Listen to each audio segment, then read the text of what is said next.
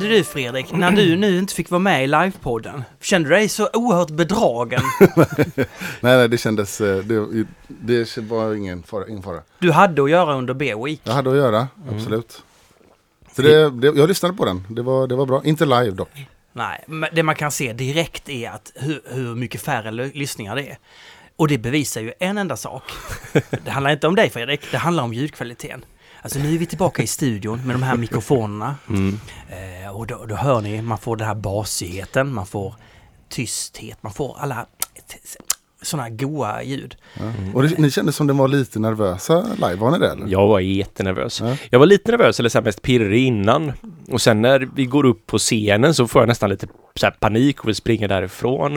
Och det var länge sedan jag faktiskt var nervös. Jag hade nästan glömt av hur det kändes. För insåg så här att vad fan gör vi? Jag har ingen aning om vad vi ska prata om och så sitter det jättemycket människor som ska... Så jag fick, blev ganska... Men det var ett bra upplägg, men ni hade en unik öl och sådär.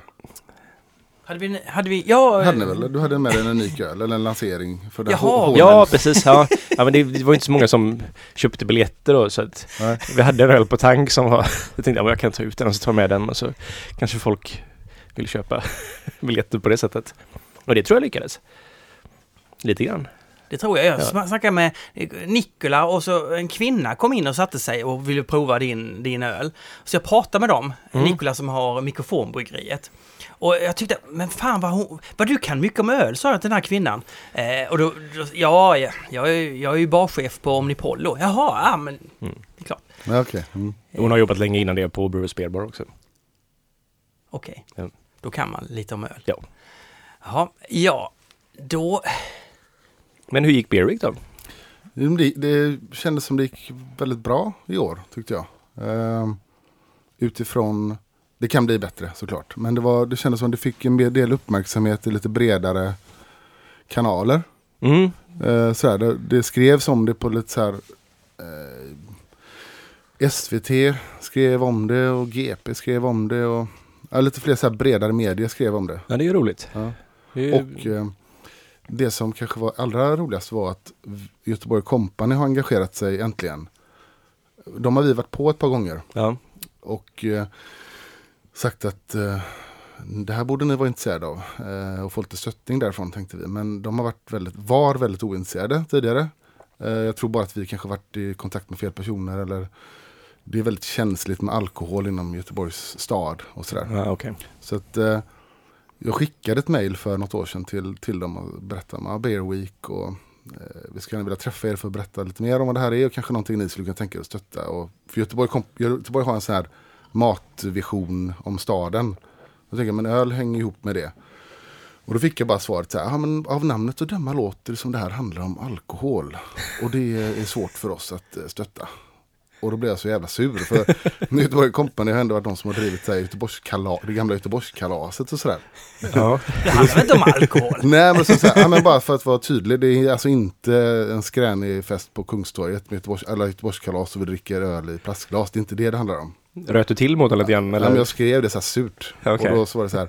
Eh, jaha, du kanske kan prata med den här personen. Men det, det ledde aldrig till någonting. Men sen så var det två unga tjejer på Göteborg Company som var väldigt vakna och kontaktade oss i, i, i början på året. Mhm. Och, så de hade koll och ville göra något med det här. Så de bjöd in eh, tio journalister från USA och England. Som var där. Vad trevligt. Ja. De var med på den paddanturen också va? Precis, de Ja. var på paddan och vi gjorde ett litet program för dem. Eller Peter gjorde ett program för dem. Och, så de åkte med, var där. Fredag, lördag, söndag. Mm.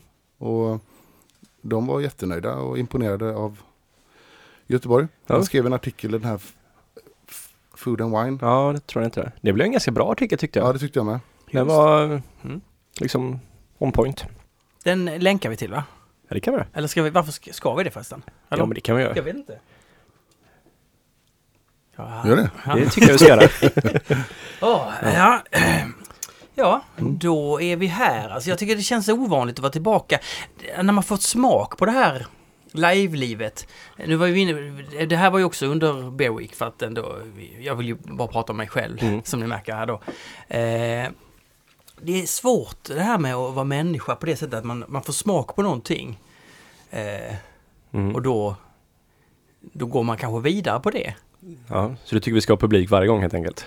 Nej, men vet där, jag kan bara fl- inflika den här lilla, lilla detaljen. Eh, jag vaknade alltså i går natt, klockan tre på natten. Hade en sån jävla... Jag ska köra en liten stand-up-grej. Just det, ja. Just det, och då, Mm. då har ju redan det här programmet... Eh, programmet har inte sänds. Nej, så, så att det här, då har det här redan hänt. Jag vaknade med en sån jäkla hybris och bara tänkte shit, alltså jag är bäst på det här. Den här vi ska, det ska ju vara där på haket. Är inte det en lite för liten lokal för mig? Jag vill vara i Stockholm på Rival. Det verkar ju vara stort. Där br- brukar de stora köra. Det var helt... Eh, Men Skandinavium då eller? Nej men det, det, jag fick verkligen känna, jag, tänkte så här, det, det som man säger att Henrik Schyffert har, alltså han är så otrevlig och tror på sig själv så mycket och tycker att han är bäst. Ja, det, jag känner likadant. Mm. Ja, Men, men när är det här? Jag vet att det inte är... det är på valborg, Okej. mässoafton. På haket. På haket, ja just det, kör jag tre minuter. Ja. Mm. Jag kommer vara där. Kommer du vara där? Jag kommer ja, komma men dit. det, jag blev nyfiken. Jag kanske så- också dyker Ja. upp. Ja. Eh, men, men när du säger att, ja okej, när du sa det här med att Berwick gick bättre. Han, det handlade bara om att Göteborg Company anslöt sig. Nej, men det handlar om att eh, eh, det nådde ut lite bredare. Eh, fler fick reda på det. Det kändes som att det var lite... De här redan frälsta kommer ju ändå. Och det är inte Mm. riktigt dem vi vill åt. Utan vi vill ju få nya människor att komma in som inte brukar gå på ölevent och sådär. Mm. Det kändes som att det var lite mer sånt. Men, men veckan är ganska så stabil i antal events. Det var väl drygt 100 events även Mm. i år som tidigare år. Det som kan bli bättre är att vi kan få in fler eh, icke ölnördkrogar och sånt att arrangera events. För det är fortfarande lite samma ställen som arrangerar grejer. Ja, det är mycket saker på samma ställen. Ja, det som är det. känns som, ibland lite återupprepningar på Ja. tidigare år och sådär men, Det är det, Ja. precis. men eh, jag vet inte, jag, Vadå, all, allting är på långgatorna? Är det det vi snackar om? Men eller? det är fokus på Långgatorna och, Ja. och Magasinsgatan. Och, ja. men jag hann inte gå på så mycket i år faktiskt. Men jag var bortrest båda helgerna och sådär. Men jag vet inte. Men det var ändå så här, det, det var ändå lite fi, eh, vad heter de här som Vega hade något så här matgrej på ihop med. Vegahemmet var det va? Ja det var en kul grej med Ja. pensionärer och så här. Och sen hade de en bra middag på, vad heter de, Frida Ronge hade, har en, hon jobbar inte där längre, den här fiske, sushi, Rå. rå ja. Ja. Middag på rå, så här lite finkrogsgrej och Törnströms arrangerar. Så det är ändå så här lite bredare, lite Ja. finkrogar och sånt som arrangerar grejer också. Men det var, vi funderade på om vi skulle ha en sån grej också men sen så insåg jag att vi hade inte tid med någonting i och med att vi skulle spela in Ölpölen och allmänt att det är mycket att göra. Det är inte en jätterolig vecka för vi som jobbar i den här branschen. Nej, jag har förstått det. Jag har inte riktigt fattat Det in att är det... väldigt stressigt och så ska man preppa för en mässa också och sådär. Så Ja. det, Jag har också hört så här, folk säga, så jag har ju inte insikt i så här, hur försäljningen av öl från krogar eller från bryggerier till krogar. Men att det är under Beer Week och veckorna efter så så här, det har varit så mycket tryck liksom, på att sälja grejer till krogarna så att de köper inte så mycket kommande veckorna. nej men det har varit mycket tap takeovers och sådana saker så. från olika så att det är helt plötsligt så i- så är det som att så här, har alla krogarna ett fullt lager och vågar inte köpa på sig mer så att försäljningen dalar lite grann faktiskt. Det är så? Det är, ja. Men pikar inte innan heller? Nej. Alltså, jag har inte siffrorna på det här riktigt. Men eh, vi har konstaterat att det, är, att det var veckan efter Beer Week i alla fall. Ja. Att det var lite så här, lite bakfullt på ett sätt liksom. Ja. Ja, och, så, och så vann ju Narangi bästa IPA. Mm. Och, det, och där var du. Alltså nu känns det här rummet väldigt... Alltså det, och du var huvuddomare. Nej, jag är inte domare. Men jag är Nej, men huvud, huvud, du var huvud, ansvarig för det. arr- Mm. arrangör då, Ja. så kan man säga. Det står faktiskt huvuddomare på Jag vet. diplomet. Ja, det är kanske fel ord. Jag dömer ju inte, men ansvarig Nej. för det. Ja, Och nej, ni och Stigberg kom trea. trea. Hur känns det då? Eh, Det känns så jävla kass alltså. Vilken var det ni kom? Amazing Haze. Åh, okej, ja. Jättebra i och för sig. Ja. Men eh, nej. Den har inte vunnit någon gång tidigare va? Jo, jag tror faktiskt att just den, undrar om inte den har. Nej, jo. West Coast har ju vunnit, eller har ju... Jag kommer inte ihåg. Nej, ja, nåja. Nu, ja. Ja. Narangi. Mm. Va? Men det var roligt. Det var tråkigt, Ja. jag kunde inte vara där att, Nej. Men Blir du glad för det, Olle? ja, jag blev jätteglad. Eftersom det är så viktigt att tävla Ja, ändå. det är viktigt. Det är viktigt att tävla på hemmaplan. Ja, just det, så var Ja. det. Så var det. Ehm, om vi, vi, vi kopplar till, jag tycker vi ska direkt gå på nu, ehm, ehm, månadens öl. Mm. Kan vi hoppa in i det ämnet? Ja, men det kan vi. Vi fixar ju ändå så att, ehm, eh, eller vi fixar, Haket köpte ju in den här Sierra Nevada Pale Ale. Mm. på fat. Precis. Och jag blev så, jag tyckte det var så magiskt att dricka den för den hade ju så tydliga toner, jag har glömt, det var så tydliga toner av någonting, jag kommer inte ihåg vad det var, var det någon karamell? Nej, nej det var en, smakade tuggummi? Nej, Grapefrukt, nej. nej. Alltså den var ganska trött, det fatet som vi fick där om vi ska vara var, helt ärlig. det var jättegod. Ja, det- den är väldigt god. den var väldigt speciell tycker jag i smaken, alltså den var väldigt eh, Eh, och då, och då, då sa, jag kommer inte ihåg vad hon hette, vad heter hon på, är barchef Eh, på Omnipollo som jobbar på, på Herregud. Brewers. Herregud heter hon. Men hon, mm, nej, Mi... Nej. Mia. Mia sa då så här att bara, ja men den, den här ölen, den här ölen fick mig igång på, på något annat än en stor stark egentligen. Mm. Jag förvränger orden, men det var den, den andemeningen. Eh, Ja, men jag tror den har varit det för väldigt många faktiskt. för dig också eller? Uh, nja, inte riktigt faktiskt. Men mm, den var där, så det var en av dem jag sökte när jag visste, men jag visste ju att jag gillade den här ölen redan då, så att det var en av dem jag köpte ofta, eller så här som att man gick och köpte den på Systembolaget. Det var den och så Brooklyn Lager var mer så faktiskt för mig att Det var det med. eller det, jag köpte den men jag visste ju att jag gillade öl men det var liksom att ja, de betydde någonting för mig i alla fall där. Att det var standardöl man köpte när man Ja. köpte lite bättre öl på Systembolaget. Och, vad, och vad, hur tänker du Fredrik kring den här ölen då? Den, jag köper den eh, väldigt sällan nu för tiden. Ja. Jag köpte den eh, och drack den igår på flaska. Och den, är ju, den var ju lite trött. Så här. Det är inte så att jag är jättesugen på att köpa den igen. Det är inget fel på den. Nej. Den är god. Men, eh, och jag, den har varit en sån här ikonöl som jag var jättenyfiken på eh, då för länge sedan. Och köpte den mycket när den kom, började komma till Sverige. Absolut. Men framförallt är det ett så sjukt viktigt öl i liksom öl, den, den amerikanska ölutvecklingen. Jag satt, inför det här så att jag tänkte så här, finns det något öl, amerikanskt öl som har varit viktigare? Och jag kom faktiskt inte på någonting. Jag tror inte det. Oj, Ja. Är det så? Mm. Ja men när, när uppfanns det här ölet då? Eller vad hände, hur hände det? Eller vad? Ja, men det, sen var det Brewing Company grundades eh, eh, 79. Började de liksom bygga upp det här bryggeriet. Det var ju Ken Grossman och en kille till. Minns inte namnet på honom. Som eh, eh, var hembryggare. Och eh, eh, Ken Grossman drev en hembryggarbutik i Chico, Kalifornien. Och de eh, startade det här bryggeriet. Och eh, ölet började de brygga 1980. Men det släpptes först. De var inte nöjda med receptet. Det släpptes 81 läste jag Mm. kom Sierra Nevada Pale Ale. Och det, blev, det har växt organiskt. Det var ju väldigt litet första året. Men så har det växt organiskt. Och tidigt rörde det sig till så här lite andra kretsar än, än, än vanliga ölkonsumenter i USA. Typ eh, studenter, intellektuella, Chico-universitetet. Och sen var det ett jättestort öl i San Francisco bland eh, hippierörelsen. Eh, han Garcia från Grateful Dead, det var hans favoritöl. Han pratar ofta om det här ölet. Så hans följare, ja, så hans Ja, följare ja, ja. började köpa det. Så det blev ett sånt här uh, underground-öl som började... Kan Ja, det vara vägen? Känns lite Stigberget faktiskt. Mm. Vadå? Ja men hipster, gr- Majorna, Hippie... Majorna hippies liksom. inte- Grossman och Nils, det är väl, ja, Ja. det, jag Det är väl inte likheter. hipster att göra, göra tumstockar med, med loggan på? Det är väl inte hipster? Va? Är det det? Gör ni det? Ja, okej, Ja. jaha. Ja. Och, nej, och Det var ju till Rickards födelsedag faktiskt när han fyllde 40 tror jag. Jo, men ändå i andan. Ja, jo. och tidigt så här, de har vägrat, nu gör de kanske det, men de länge vägrar göra reklam. Och så här, så ölet har ju växt organiskt. eh, Underbart. Ja. Mm. Och var i slutet på 90-talet, jag tror att det var det mest sålda, eller topp tre i vart fall, mest sålda hantverksölen i USA. Um, Sam Laddams Boston Lager. Och New Belgium, ja, Ja, det var kanske. stort också. Och ehm, ett öl som jag saknade här, en brown, amerikansk brown ale. Som var topp tre. Pete's Wicked Ale. Var Just det. ja. apstort i slutet på. Pete's Wicked Ale. Jag, har aldrig, jag, jag, jag vet att det finns men jag har aldrig druckit den. Det är bara, men sen vet jag inte om det finns kvar längre. Men det var ju hur stort som helst där. Och då var sen var det Pale Ale topp. Så att eh, Och det var ju den som var den humliga av dem liksom. Den hade ju en Aha. väldigt tydlig smak att det här är humle.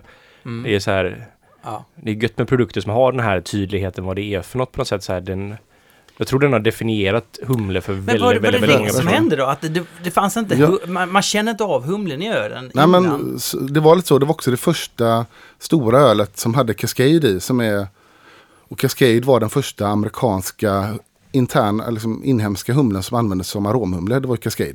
Ja. Som började tas fram på 70-talet av amerikanska vad heter det, jordbruksdepartementet. Typ hade ett sånt humleprojekt i Oregon. Men vadå, man hade väl, man hade ju humle ti- tidigare? Ja, men som aromhumle använde du europeiska sorter. Precis, Ah, det var de de enda som gjorde sin dög egen. liksom. Ja, de Ja. gjorde sin egen. Så då tog de fram en egen då som Ah, skulle ja, ha ja. vissa karaktärsdrag. Och eh, eh, första bryggeriet som började använda Cascade var faktiskt Coors. I USA. Ja. Men sen var, och sen det första... Typ Spendrups. Och det första hantverksölet var just, ehm, vi har pratat om det här tidigare med Anchors Libertale. Aha, Från också tidigare. 75 använde Ja. de det. Men sen, sen var det, det var en engångslansering först. Men sen var det Pale Ale var det som började använda det. Liksom, det st- första stora ölet som började använda det. Jag tänker att det är så här, det, att när de började odla sin egna inhemska humle, de hade ju, vad heter den? Eh, de har ju sin Sas och Fagel där, som är liksom Mount Hood och som jag tror fortfarande är de som används mest, men när de säger så, ja men nu tar vi fram våra egna som ska vara... Det kändes ju lite som att så här, ja, men vi ska ha mer alfa för att det är liksom, det är ekonomin i det som driver det, så här, vi kan använda mindre humle om det är mer besk liksom. Men så kom de här extra smakerna, den här aromatiska kvaliteten Mm. och så bara, men det här är inte normalt, men det är liksom, det är spännande liksom. Ja. Så det känns som att det, så här, det, det satte liksom definitionen på att det här är en amerikansk pale ale. Mm, På något sätt precis. liksom att Wow, det... häftigt. Det är liksom grapefrukt, citrustonen. Och sen var det så många bryggare som blev influerade av Senora Pale Ale. Så att när man läser sån här, om man tänker första vågen, eller om man ska kalla andra vågen, amerikanska bryggerier liksom på 90-talet när de Mm. verkligen exploderade. När de bry- bryggarna listar så här deras viktigaste öl, då var ju det det absolut mest nämnda ölet. Senora Pale Ale. Mhm. Så det var ju föregångare till liksom amerikanska IPA och allting egentligen. Ja. Men liksom... Titta här vilka spännande smaker. Det får vi inte av europeisk humle. Vad händer om vi använder lite mer? Shit, det här Och så skulle jag fin- vetat när jag drack det. Det, här är ju det här är storslagna grejer. Ja. Fast sen när jag drack på flaska igår, det är inte så att man känner jättetydliga liksom, grape-grejer. och Nej, det gör man. Den... Det, jag har faktiskt inte druckit en flaska utan jag är nöjd med att dricka det som var på haket. Och det var ju... Ja men det är karamelligt och lite oxiderat och... Men det finns ju en hum... Inte oxi- Det finns ju en inte humle... oxiderat var det väl? Nej. jag kan inte oxidera, men lite så här att det är humle som har det är sekundär, hum, eh, sekundära smaker av humlen, liksom den här toppnoten av humlen har försvunnit så är det Mm. bara kvar Ja, ja. bastonerna av det liksom. Mm. Ja. Så det är fortfarande humligt men det är liksom inte den här, ja, man saknar det färska i det. Men, eh, men jag tänker så här, IPAn på den tiden var ju bara brittisk IPA och det var ju nästan en utdöd Mm, ölstil. exakt. Så jag antar att det var bryggare som då var inspirerade av Sierra Nevada Pale Ale.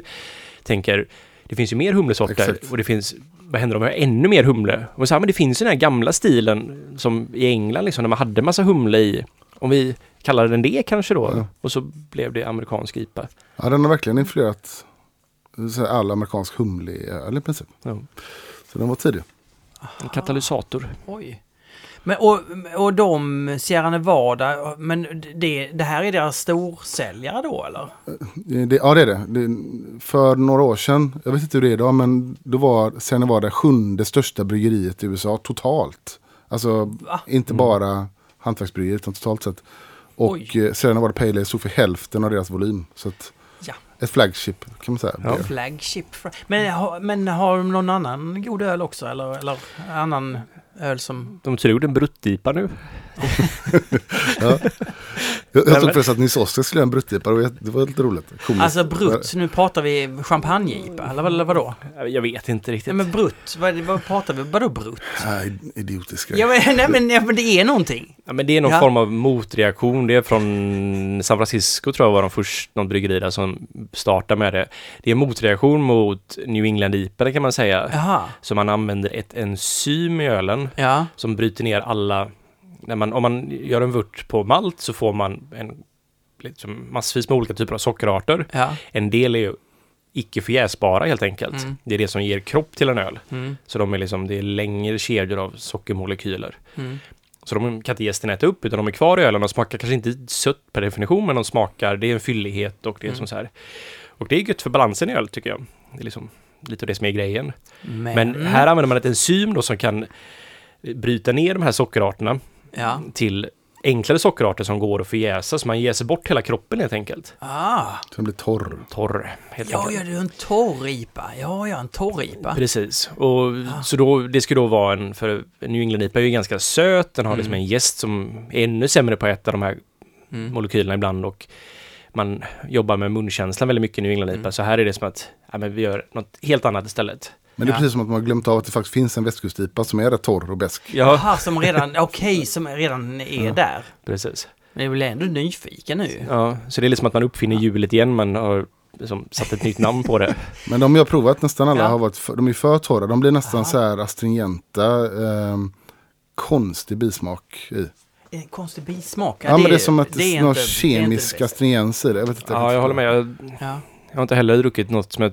Jag provade en del faktiskt nu, för det var ett bryggeri i, ehm, jag var i Miami på det här Mm. Wakefest som var kända för sina bruttiper. Så jag testade tre olika de hade och det var de bästa jag provat. Men Mm. det var samtidigt som att hade inte någon sagt till mig att det här var en bruttipa så hade jag ju tyckt att vilken bra West Coast-IPA det är. Mm. För att jag tyckte Aha. de hade en balans. De var inte så här, för många jag testat det är så här att de bara blir supertorra. Det finns ingen balans och det blir den här stringenta smaken och humlen kommer inte alls i sig rätt liksom. Och blir ofta ganska alkoholpotenta också. Mm. Alkoholen smyger ju fram liksom rätt mycket i dem. då. Mm. Så att det smakar som en bra västkustipa. Mm. Men det är ett nytt namn mitt namn. på IPA. Ja. Ja, IPA men- säljer. Men vad, hur, hur hamnade vi där? Vi pratade, Vi pratade var där. Just det. Ja. Pale Ale on, du gjorde andra IPA och du sa Olle, ja de har gjort en brutt-IPA. just det. Ja. Sen gör du en Porter Stout, Mm. Ja. Bigfoot. Bigfoot är ju min favorit av dem. Det är, en, det är definitionen på en amerikansk barley wine för mig. Jaha, Ja. okej. Så det är en välhumlad ja, barley wine helt enkelt. Du vet vad som hände Olle? Nej. Jag var på, jag var på haket. Mm. Och så tog jag, nej Pontus tog din long boil barley wine. Ja.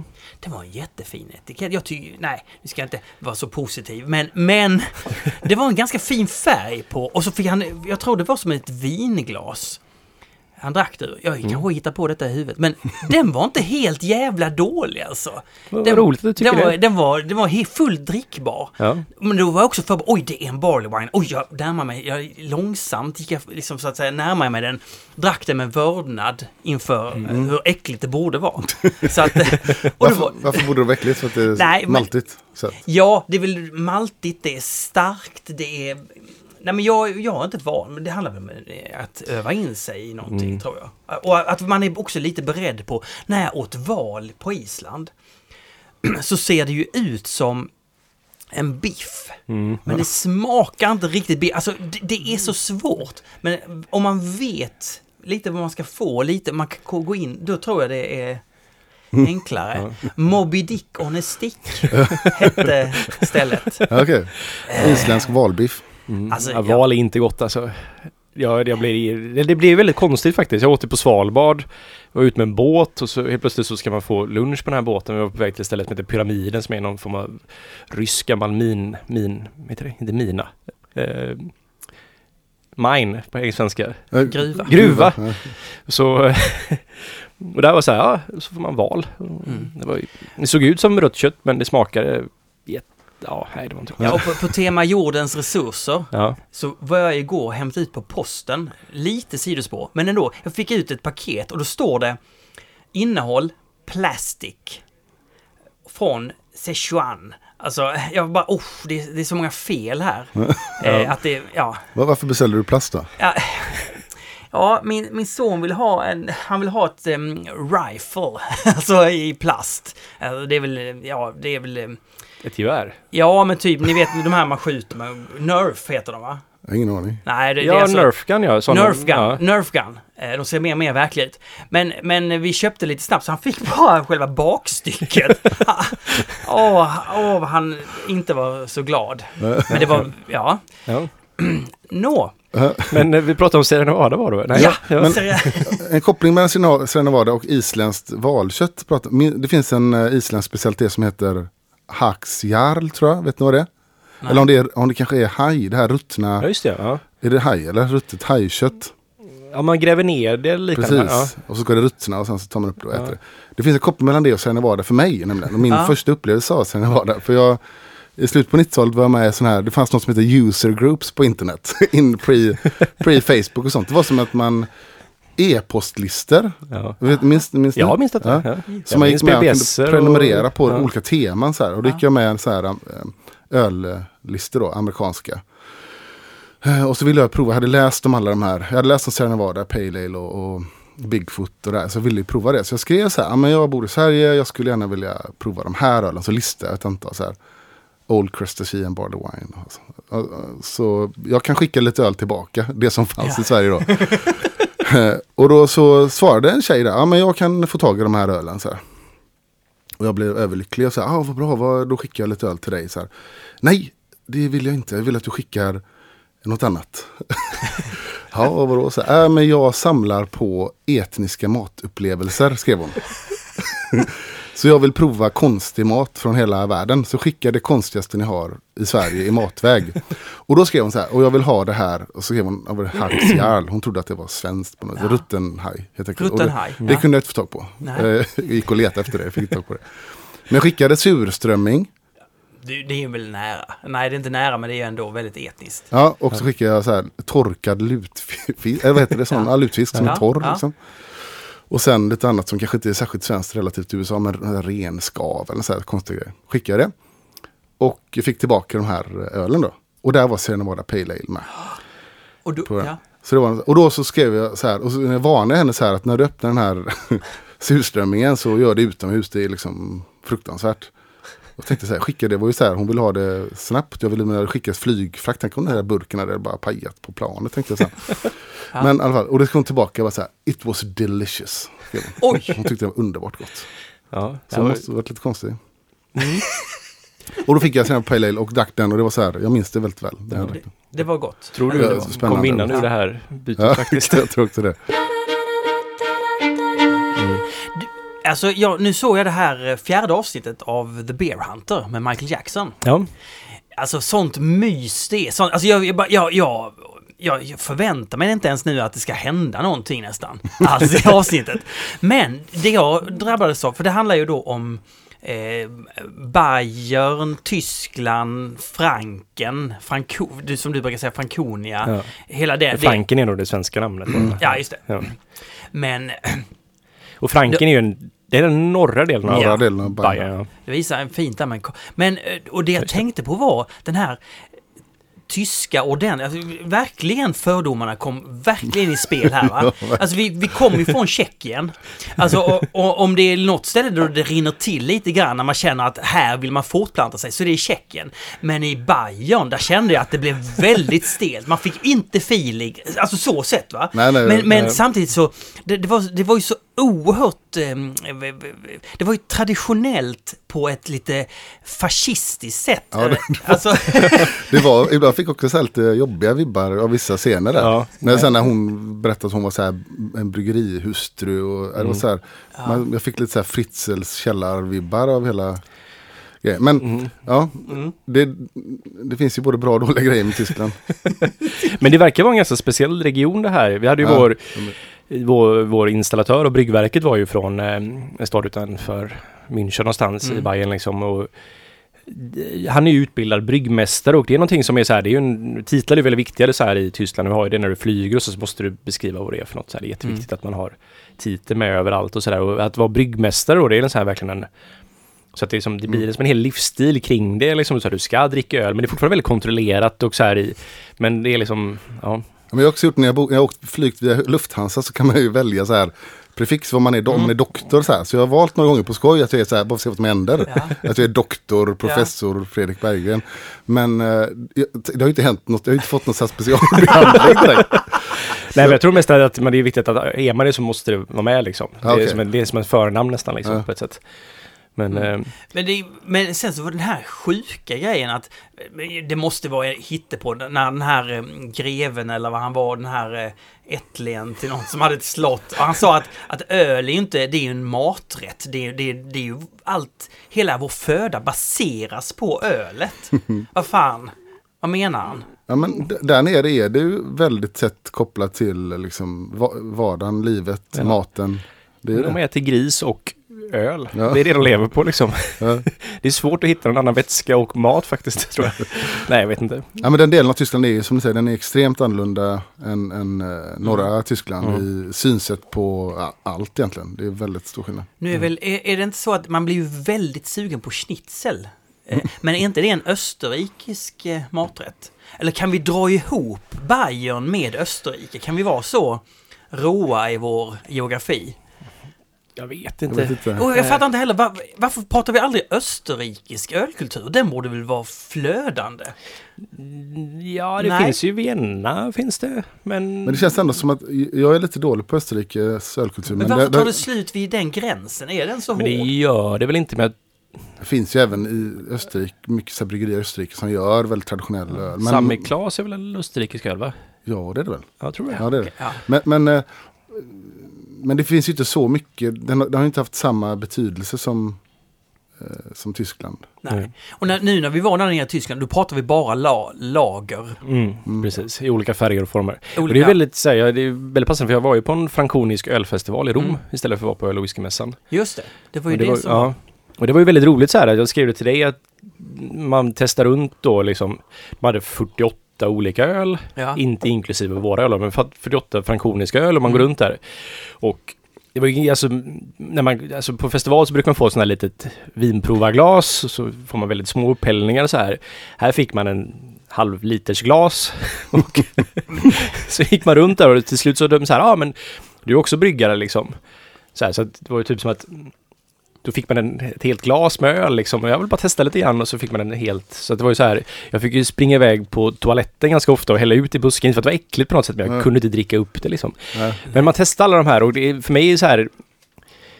Alltså, är så här ungerspundet, Swickel, Keller och jag fattar aldrig riktigt vad det är som är skillnaden på de här och jag inser att det finns nog ingen skillnad Ja, utan det är lite nog bara så här de känner för att döpa den till någonting och så är det det lite grann. Ja, det, det är väldigt svårt att förstå skillnaden mellan många av de här landbier och, Ja. och det grundar sig delvis i så här gamla la, skattelagar, vad man kallade saker och så, och så går in i varann och sådär. Mm. Så det är väldigt svårt, som du säger, att prova ett öl och säga aha, det här är en sån. Precis. Det är väldigt svårt. Men det var väldigt intressant för att så här, då kan man gå runt och prova dem och så inser man så här, ja, men det här är, alltså, de kan göra så mycket med så lite liksom. Mm. Det är liksom lager, klassiska lagerstilar, mycket, vissa är jättemaltiga, vissa är ja, som en pilsner liksom väldigt krispig och så här och det var fascinerande att se att wow, det här är ändå Ja, det är en stor variation mellan ölen Mm. och så kan man dricka två öl som kan se exakt likadana ut i stort sett. Och så tänker man så här, men de här kommer vara ungefär samma malt i lager liksom. Och så är det så här att nej, det här är, ja, det är en Mm. stor skillnad. Och det är väldigt intressant att se att ja, de kan jobba med de här ingredienserna och få ja, subtila skillnader fast ändå ja, stor skillnad på samma sak. Ja, men jag håller med dig. Med små medel. För de pratar ju så mycket om i det här avsnittet också om renhetslagarna och sådär. Som är sådär, känns ju inte så relevanta idag överhuvudtaget. Man kan förstå det i ett historiskt perspektiv. Mm. Men, men det, så även om man är kritisk till det så inser man att ja, men de, med små medel har de lyckats utveckla, förfina någonting väldigt, väldigt väl. Och, och det historiska perspektivet var för att man inte skulle göra dålig öl, eller? Ja, det var ju kopplat. Men tid, det finns lite olika förklaringar till renhetslagarna. Ja, det som jag tycker verkar rimligast är väl att de typ att det handlar egentligen om att man skulle inte använda vete i ölen. För att det var ju kon då som man skulle ha. Kon, humle. För man behövde bli av med, vad ska vi göra av allt korn? Ja men att så här att det var, nej men att vete skulle användas till bröd och sådana saker. Det var, Ja. ja. Ja, så har det funnits andra förklaringar som, som jag tror ändå har inte folk riktigt tror på längre. Men alltså att det, att det fanns så här öl som var dålig, gjorde folk dåliga. Så, här, så att man satte upp Mm. regler hur det skulle göras. Men, och sen så var det säkert också, för det finns också en form av eh, så här, protektionistisk eh, bakgrund Ja, okej. till reinhetsskapet också. Okay. Men den jag köper mest av det här är att det är som att man, det är liksom, vetet gick till öl och så tyckte väl de att ja, men det är bättre att det används till ja, eh, bröd istället då som faktiskt Mm. folk kan äta och inte bara bli fulla av. Det, det man kunde se nu när Michael Jackson var där, det var ju att han, han det var mer som att han redovisade vad de hade här. Han, han, han var ju mer lyrisk i det här första avsnittet med Anchor. För, för det var ju något spännande som hände. Det här var kanske egentligen inte så spännande utan det var mer, det här är mer, ja det här har funnits så här länge, glöm inte bort att det här finns. Mm. Men, ja, och sen tror jag att det har att göra med att han eh, var nog inte så... Eh, bevandrad i den ölkulturen heller. Han, han kom ju Ah. från England Ja. och kopplingen till USA där fanns ju hela tiden. Mm, mm. Jag tror att han inte var lika, men också som tyska, Tyskland var, tyska bryggare var, det är så mycket ordning och reda. Så han, jag tror att han höll sig lite så här laid back Mm, jag i det kan tänka sammanhanget. mig också det. Men det var också så här, Ah. jag insåg det när jag Mm. gick runt på den här och pratade, men det var inte så många bryggare som är där för de bryr sig inte om en sån här grej utan det är ju bara manueler som har åkt dit och hämtat hem ölen liksom. Men några var där och när man pratar med dem så inser man att de har ju en inställning som är Ja men det finns frankonisk öl, Mm. sen finns det all annan öl. var, de bryr sig inte om all annan öl utan det är så här att det är antingen frankoniskt eller så är det det andra.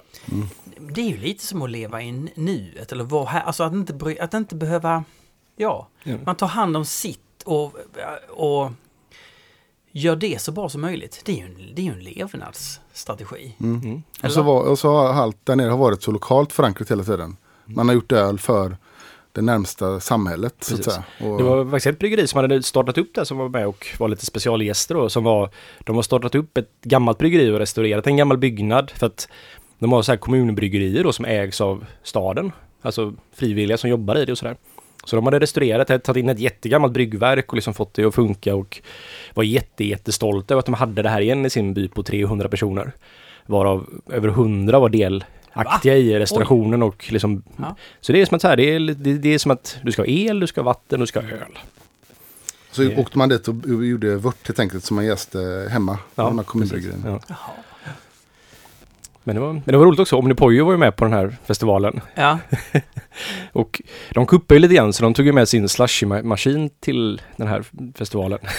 Och serverade en Bianca-variant med massor med blåbär och vad, vadå Bianca? Mm, Alltså, det är en öl de har, jag Ja. har inte riktigt fattat men jag tror det är att de har massa frukt i den och så Ja. är det någon form av gåse liksom. Ja. Men så hade de blåbär och eh, lundsirap.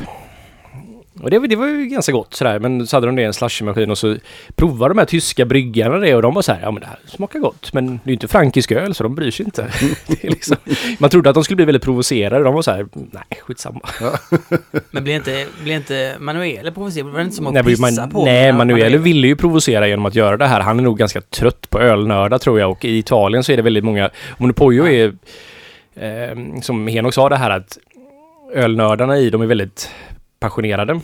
och det är ju samma sak i Sverige att det är liksom en vattendelare lite grann. Gillar man Monopol eller inte eller så, ja. Men där är det som att 25% tycker det är jättebra, 75% är, det är liksom Satan själv typ i stort sett. Så de har lite problem i Italien, så han tyckte det här var jätteroligt att få komma dit. Och det är nog det som Manuel tyckte var roligt också, för jag tror han är lite trött på italienska Ja, okej. ölnördar. Ja. Jag tror han tyckte det här var ganska roligt för, som en form av... Han jätte, kommer jätte, så visa upp en diskussion om en ölgrupp som jag faktiskt är med i Italien. Där det var ett väldigt mycket kommentarer kring detta och han var väldigt nöjd med det. Okej, Ja. alltså negativa kommentarer. Ja, negativt. Ja, han ville helt enkelt röra om lite. Ja. Liksom, Men, men får ni komma nästa år då? Eh, det vet jag inte. Nej. Nej.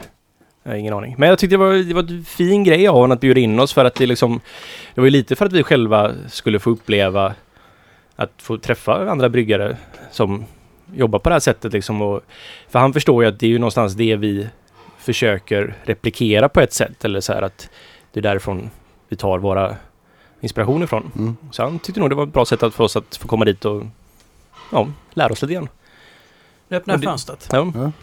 Men det jag lärde mig framförallt var att de, även om de här, de är ju mycket mer konstnärer än vad de är tyska så här strikta bryggare utan det var när man pratar, ja men vad, vad är det som är den här ölen? Så här, här gästen eh, mådde inte så bra så att den tog lite längre tid på sig. Ja okej, ja, ja men men sen den här batchen mådde den bra igen och så, så här, okej. Mm. Okej, ja, så ja, nej, vi smakar på vörten och så vet vi att den är tillräckligt stark. Det är så här, Alltså. ja, så.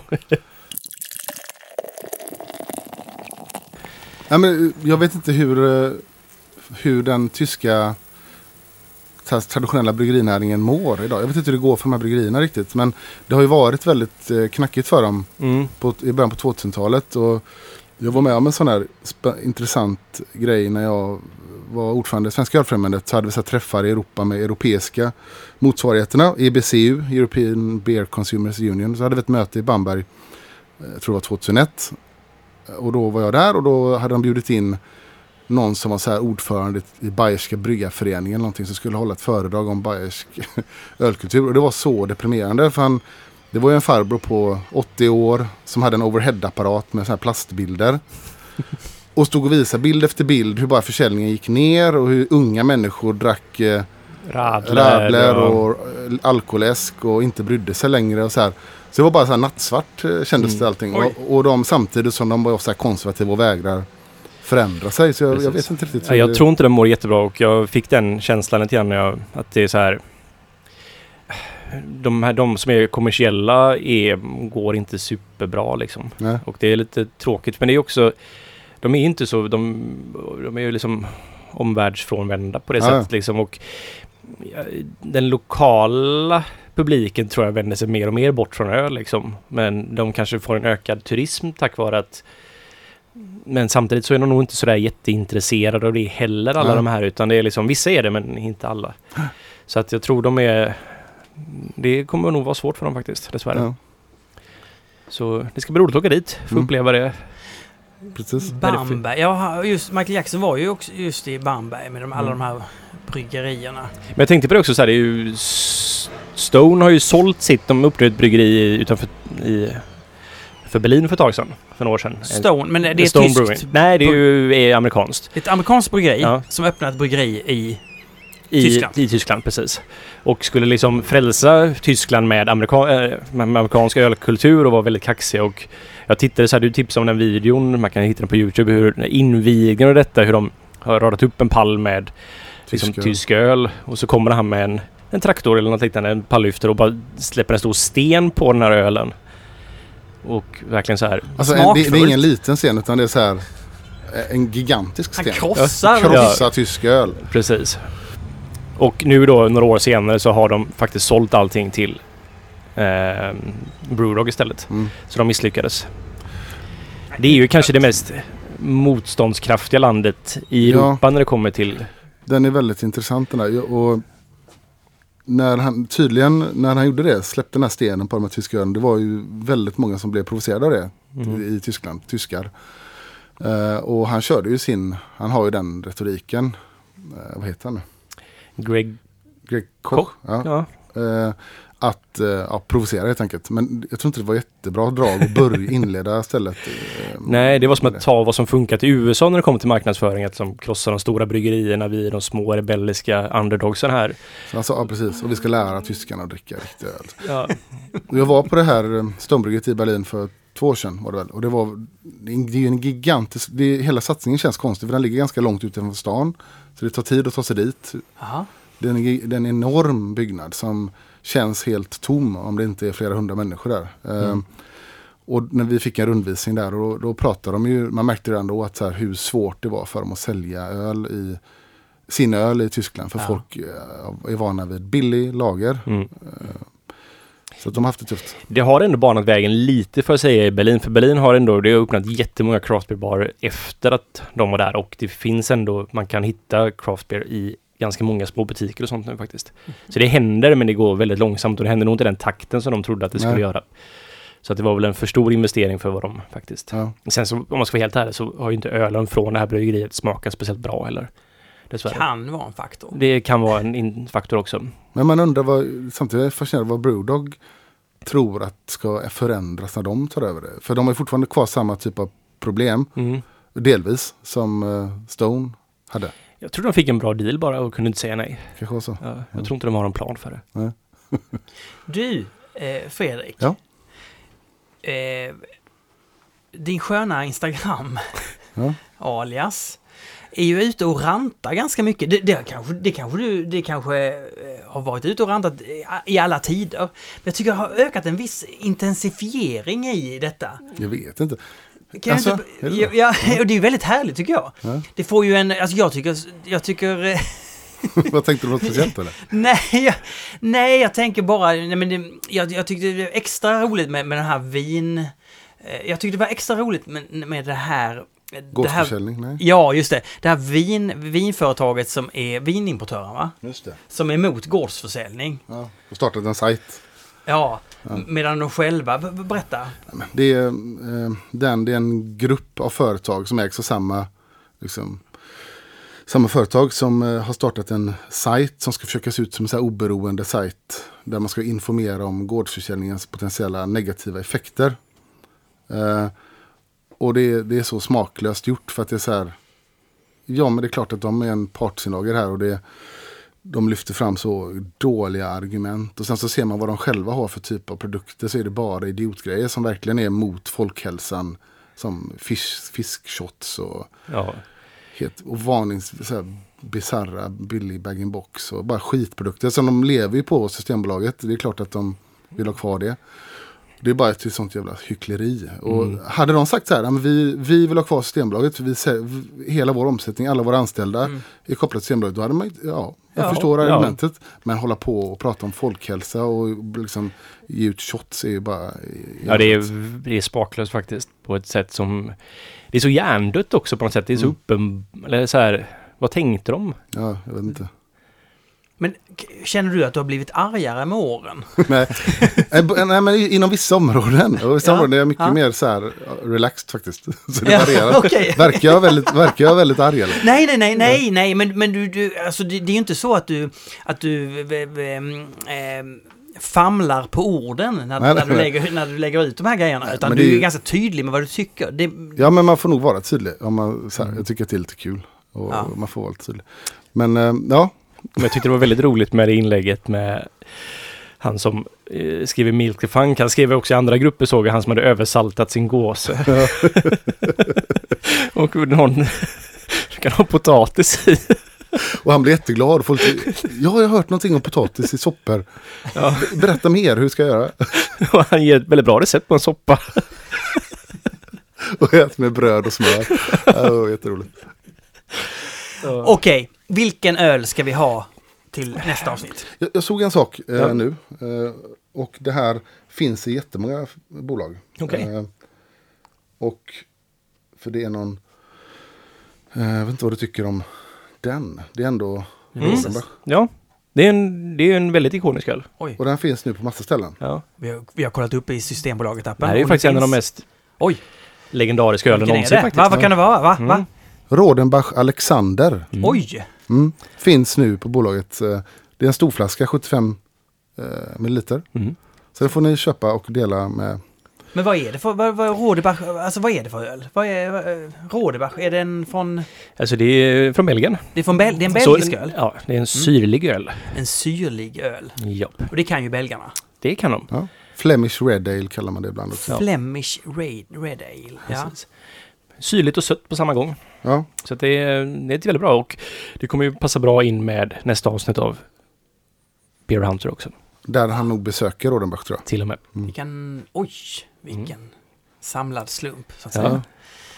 Det är nästan så att någon tänkt till lite grann faktiskt. Ja, rätt så. Ja. Ja. Tack Fredrik, vad roligt att du kom hit. Mm, I tack, värmen. tack, tack. Men vi får hålla det här kort Martin, tänker jag. Tycker du det? Ja, nu när, jag, när Fredrik gått så all energi bara... jag hade inte så mycket energi från början faktiskt. Det var, Men det, är ett, det här är ett klassiskt gammalt ölpölen-avsnitt. ja, men jag har blivit mycket äldre så jag, det tar mycket mer hårdare på mig idag än vad det gjorde då. Ja, Ja, känner jag. Ja, det tar... Ja, äldre... Jag, tycker också det. Alltså, det finns en fördel med att bli gammal. Mm. Man, man är smartare, man gör smartare val. Man måste bli smartare. Man måste ta shortcuts för man har inte energin att gå det här extra varvet. Nej, Tänk- man, man, man, blir smartare, effektivare. liksom. Jag vet inte riktigt, men jag förstår vad du menar faktiskt. Jag har tänkt på det att man, ja men i och med att jag har väldigt fullt upp och sådär så märker jag att så saker som jag la mer tid på förr i tiden Mm. som, för att göra det noggrant, jag gör dem det snabbare idag men resultatet blir ungefär detsamma liksom. Så att, det ju bara massa onödigt. Men du, berätta, vad, vad händer på OO? Händer något nytt spännande? Eh, nej, det är mest same old. Det är same old. Men, men det handlar väl också om att, att land, landa det ni håller på med, att få det i rullning och så Jo. vidare. Så är det faktiskt. Det är Eller? liksom... Eh, Erica har ju bryggt mer än mig det senaste faktiskt. Mm. Och jag insåg så här, inte för att ölen blivit sämre och sånt, men vi har haft så här, jag har varit lite trött på vår egna öl på ett sätt liksom. Va, men va, va, vad menar du? Alltså, Men dels så är jag väldigt, väldigt humletrött just nu. Jag är jättehumletrött. Det här har jag snackat om tidigare. Det går i perioder. Ah. Du kommer mer och mer intensivare på ett sätt liksom. oj! Och eh, så här så att... Det är som en vårdepression. Det är en humledepression. Ja, dels så har jag, jag lider ju av vårdepression så april är den sämsta månaden på året för mig. Jag är jättetrött och har ingen ork och allting känns meningslöst. Och dessutom humletrött. Eller det Ja, kanske, ja. nej, det kanske kommer med det faktiskt. Ja. Men jag vet inte riktigt. Så jag har varit så här, det är liksom, då blir jag osäker på ölen vi gör. Sen så kan jag tycka att vi har haft lite humlesorter som inte är så som jag vill att det ska vara. Mm. Så allting blir liksom så här, fan det sitter inte just nu.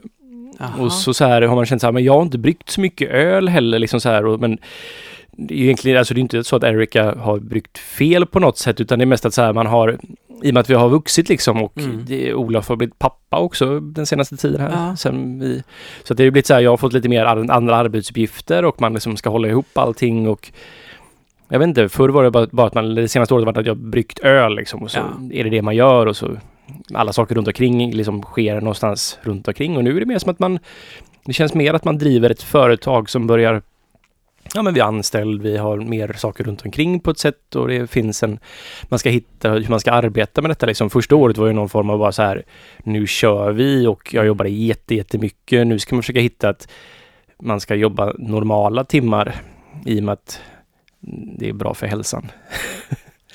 och liksom landa i allting att ja men bli eh, bli, bli ett riktigt företag på sätt och vis. Och det mm, Ja, det Nu är det bara utför. Alltså det roliga har varit, nu ska det in och normaliseras. Du kommer längre ifrån det du gillar. Du kommer inte ha koll, kontroll. När nånt, om någonting går lite fel så har inte du, du, du kanske lika mycket fel, men du har inte samma kontroll. Du kan inte backtracka det. Du blir mer och mer olycklig.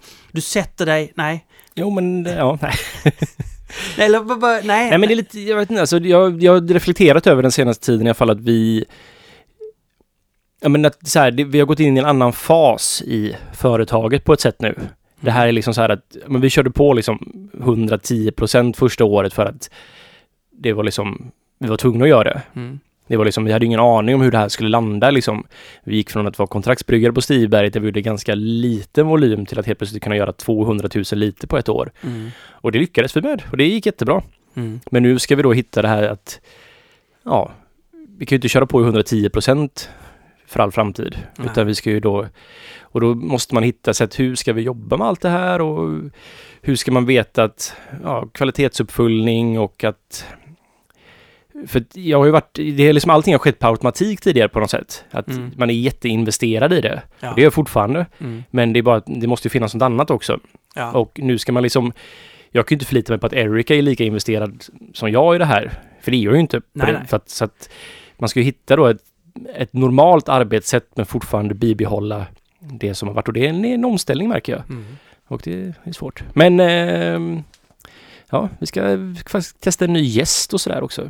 Det- Oj. Ja, så det ska bli spännande. Oj, det är Ja, yes. ja, men ibland så måste man Ja. bara förändra någonting för att liksom tagga till sig själv lite Mm. grann på det.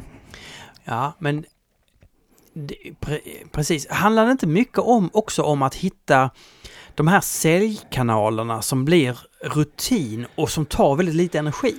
Jag tänker, Mm. jag tänker i och för sig Systembolaget, när man väl har jobbat upp det så är de tydliga med hur det ska gå, även om de har sitt speciella system som kan vara komplicerat i sig. Men har man väl fått rull på det Mm. så vet man. Ja, nu ska vi leverera in till lagret där och då, då har, vet man vad man ska göra. Precis, så då får man ju förutsägbarhet i sin egna produktion och sådana saker. Det gör ju väldigt, väldigt mycket. För då kan Ja. man ju koncentrera sig på, om man kan ha då en viss andel av produktionen som sin flaggskeppsöl. Att man har det Ja. här. Det här är liksom vår stabila inkomst. Mm. Se till att man gör det jättebra och kontinuerligt bra och så kan man då lägga mer tid på att innovera nya öl och så här bli bättre Ja. på liksom de här sidogrejerna helt enkelt. Man får liksom ett ekonomiskt och en tid för att göra detta också helt enkelt. Just det. Så, och det är ju så här, vi har ju inte någon vidare stor systembolagsförsäljning men och vi har ju kanske haft lite fel strategi tidigare så att vi plockar faktiskt bort en del av våra öl nu ur det lokala sortimentet och fokuserar på Narangi för att försöka få den att växa. Mm. Så det får man, man får jättegärna köpa Narangi för det hjälper oss jätte- jättemycket. Det den växer ju bara om den på liksom, det är ju ren statistik från Systembolagets sida. Ja. Ja. Så om ni vill stötta ölpölen oss får ni jättegärna köpa Narangi. Narangi, mm, Narangi Ja. på fredagskvällen. Åh. Eller? Nej. Nej, ja. Åh, fylla på Narangi. Mm. Nej. Ja. Du, du skrev någonting om eh, Ballast Point. Vad var det?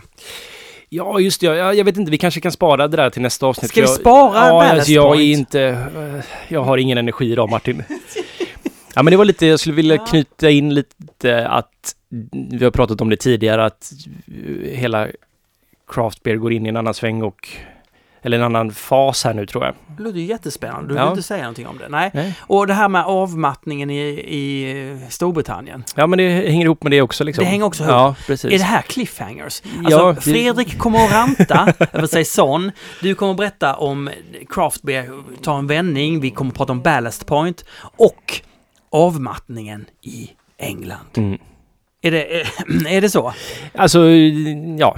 Vi kan väl... Ja, min hjärna funkar inte så bra idag så jag tänker att Nej. vi får ta det i nästa avsnitt. Åh herregud, Ja. vad spännande. Eh, att det kunde bli på det här viset. Nej, men då... då Ja, Hur är det med dig Martin förresten? ja. men jag går ju bara och tänker på den här um, stand-upen som redan har varit då nu när det här Ja, just det. Jag tänker på det dygnet runt. Jag, jag gick ut i Slottsskogen och då kan man ju alltid på kvällen kan man ju gå in i de här eh, speciella partierna där det inte är någon människor. In Mm. i skogen liksom, hitta en liten kulle där. Mm. Eh, och så står jag och pratar till träden eh, högt. Ja. Eh, Det finns ju lite djur där uppe också i parken. ja, pratar till de djuren. Ja. Älgarna där. De... Eh, nej, då pratar jag inte. Nej, men men det, det som är så intressant är, tycker jag, man tror att man har någonting bra, Mm. så börjar man köra det, så börjar man inse, "Men fan, jag har vänt, den här lilla passagen, den har jag bara trott var bra i mitt, den var bra i mitt huvud. Men jag måste säga den på ett sätt så att den landar bra. Mm. Jag har hållit på så. Sen har jag tittat på massor med, med, med stand-up tycker allting är så skit, förutom några grejer. Ja. några grejer. Men man ska nog inte... Jag tänker också att... Jag har också hört väldigt många säga att stand-up är ju inte ens bra när det är ens perfekta förutsättningar. Eh, det, är Oli, det är han Oli, Ola Söderholm som, som säger det. Så, han, han säger det att det är inte ens då kan det är. Det- men Han menar att det inte är humorns finaste form liksom. Nej men det är, det är så himla svårt och egentligen en konstig situation att här går jag upp framför er och så ska jag vara rolig. Mm. Bara det är så himla himla Det är ju svårt. forcerat liksom på ett Ja, sätt. så att, då, att, att som jag då tittar på det på YouTube, det gör ju inte, alltså det, det, det man ska ju vara, det kan ju vara bra om man är där och är Mm. närvarande. Eh, som Ja. vår öl på Pellen Live. Ja. Jättebra där och närvarande. Ja, men jag tänker så här, det här måste ju ändå vara någonting att du kan ju förbereda dig hur mycket som helst. ja, Men det är liksom, du måste bara utsätta dig för det här ja. för att bli bättre på det. Att liksom, jag tror också det. det är liksom att det spelar ingen roll, du kan liksom ägna år åt att förbereda dig och sen så ska du väl gå upp och så kommer du vara helt värdelös. Ja men det, må- det är så, jag, jag kommer att lära Och så kommer mig. du lära dig någonting att ja, ja, så här måste jag göra för att tajma det på det här sättet. Ja, Och- men, men du fattar vilken hybris jag hade när jag vaknade under natten. ja, jag Jag, jag, jag, jag tänker att de ska ri, börja ringa direkt samma kväll. Ska det ringa folk till mig? Det, det- alltså fallet kan bli riktigt, riktigt stort. Ja, det ska bli spännande att se detta fall. Ja, vi, eh, vi ses som en... Vi ses väl tidigare kanske? Ja, vi ses ju när du, det här ja, fallet då. Vi ses, ja, vi ses tidigare. Ja. Och sen så... precis. Mm. Nästa avsnitt lovar jag att jag ska vara i bättre form. Ja, tack Ina för att du klipper ihop det här, det här tramsavsnittet Ja, till, till perfektion. Mm. Eh, och så glömmer vi inte Caro Hops prenumerationen. Precis, gå med i Svenska Ölfrämjandet. Så hörs vi. Mm.